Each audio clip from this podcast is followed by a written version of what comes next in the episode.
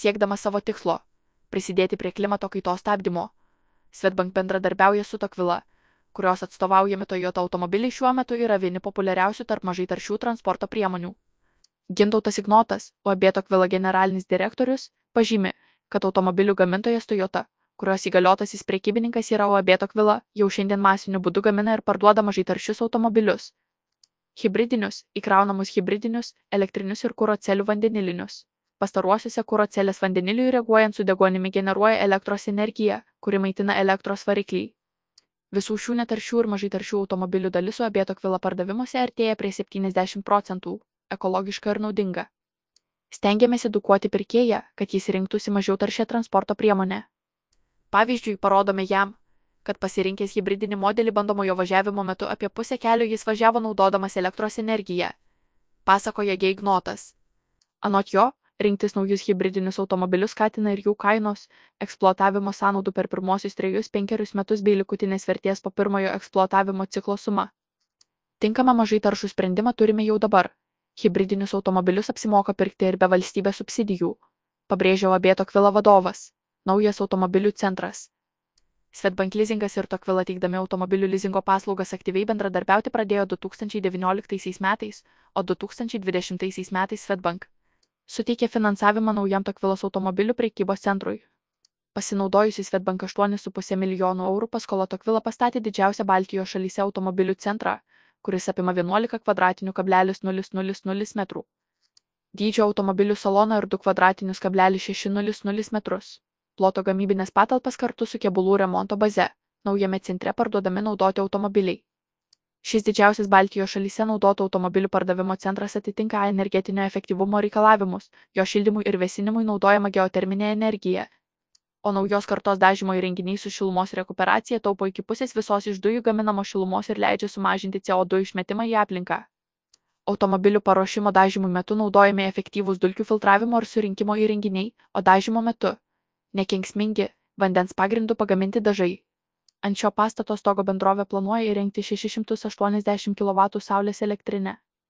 Šiuo metu automobilių centras turi kelias elektromobilių įkrovimo stoteles, tačiau inžineriniai tinklai iš viso nutiesti 16 įkrovimo stotelės įrengti. Jose iš viso vienu metu galima bus krauti 32 elektromobilius, lenkia kitus gamintojus. Tokvilos pasirinkta strategija orientuotis ne tik į naujų automobilių pardavimus, bet ir į antrinę pardavimų rinką padidina automobilių pasiūlą ir prieinamumą šalies gyventojams bei prisideda prie tvarumo tikslų. Pažymė Arnoldas Gaudiešius, Svetbank stambių verslo klientų departamento direktorius. Toyota yra žinoma kaip hybridinių automobilių pradininkė, šiuo metu siūlanti palyginti platų tokių modelių pasirinkimą. Svetbank leasingo duomenys rodo, kad gyventojai vis dažniau pasirenka aplinkai draugiškus, mažų emisijų automobilius. Tokie automobiliai taip pat dažniausiai išsiskiria mažomis degalų sąnaudomis, todėl vyraujant aukštoms degalų kainoms, tai dar vienas argumentas įsigyti tokio modelio automobilį. Pavyzdžiui, Lietuvoje 2022 metais trečiąjį ketvirtį Svetbank finansavo daugiau kaip 700 naujų ir naudotų Toyota automobilių įsigijimą.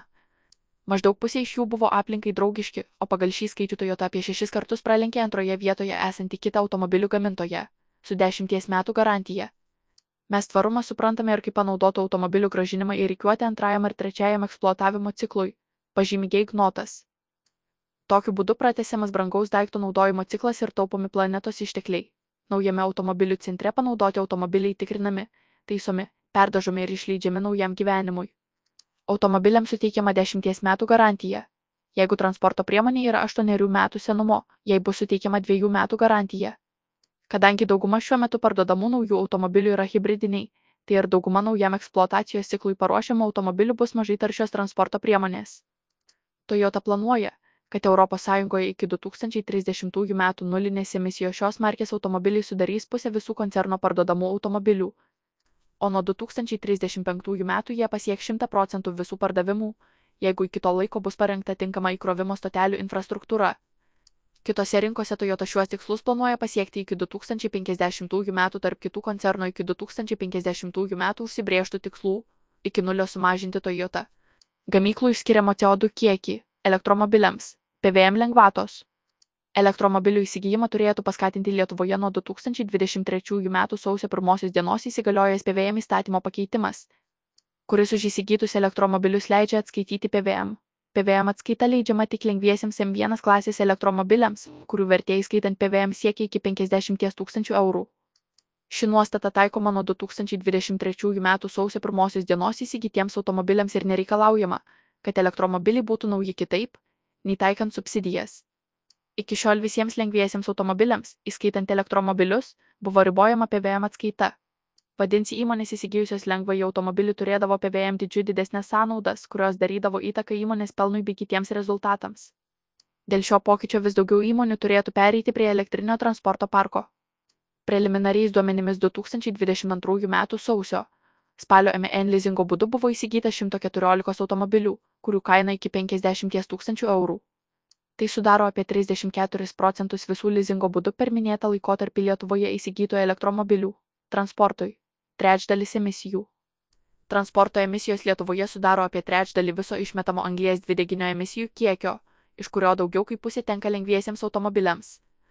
Perėjimas prie iš dalies ar visiškai elektravaromų transporto priemonių padeda šaliai įgyvendinti savo nacionalinę klimato kaitos valdymo darbotvarkę ir vykdyti įsipareigojimus es, pabrėžia Gaudiešius. Finansuodamas aplinkai draugišką transportą ir į tvarumą orientuotus projektus, Svetbank įgyvendina savo strateginį tikslą prisidėti prie klimato kaitos stabdymo.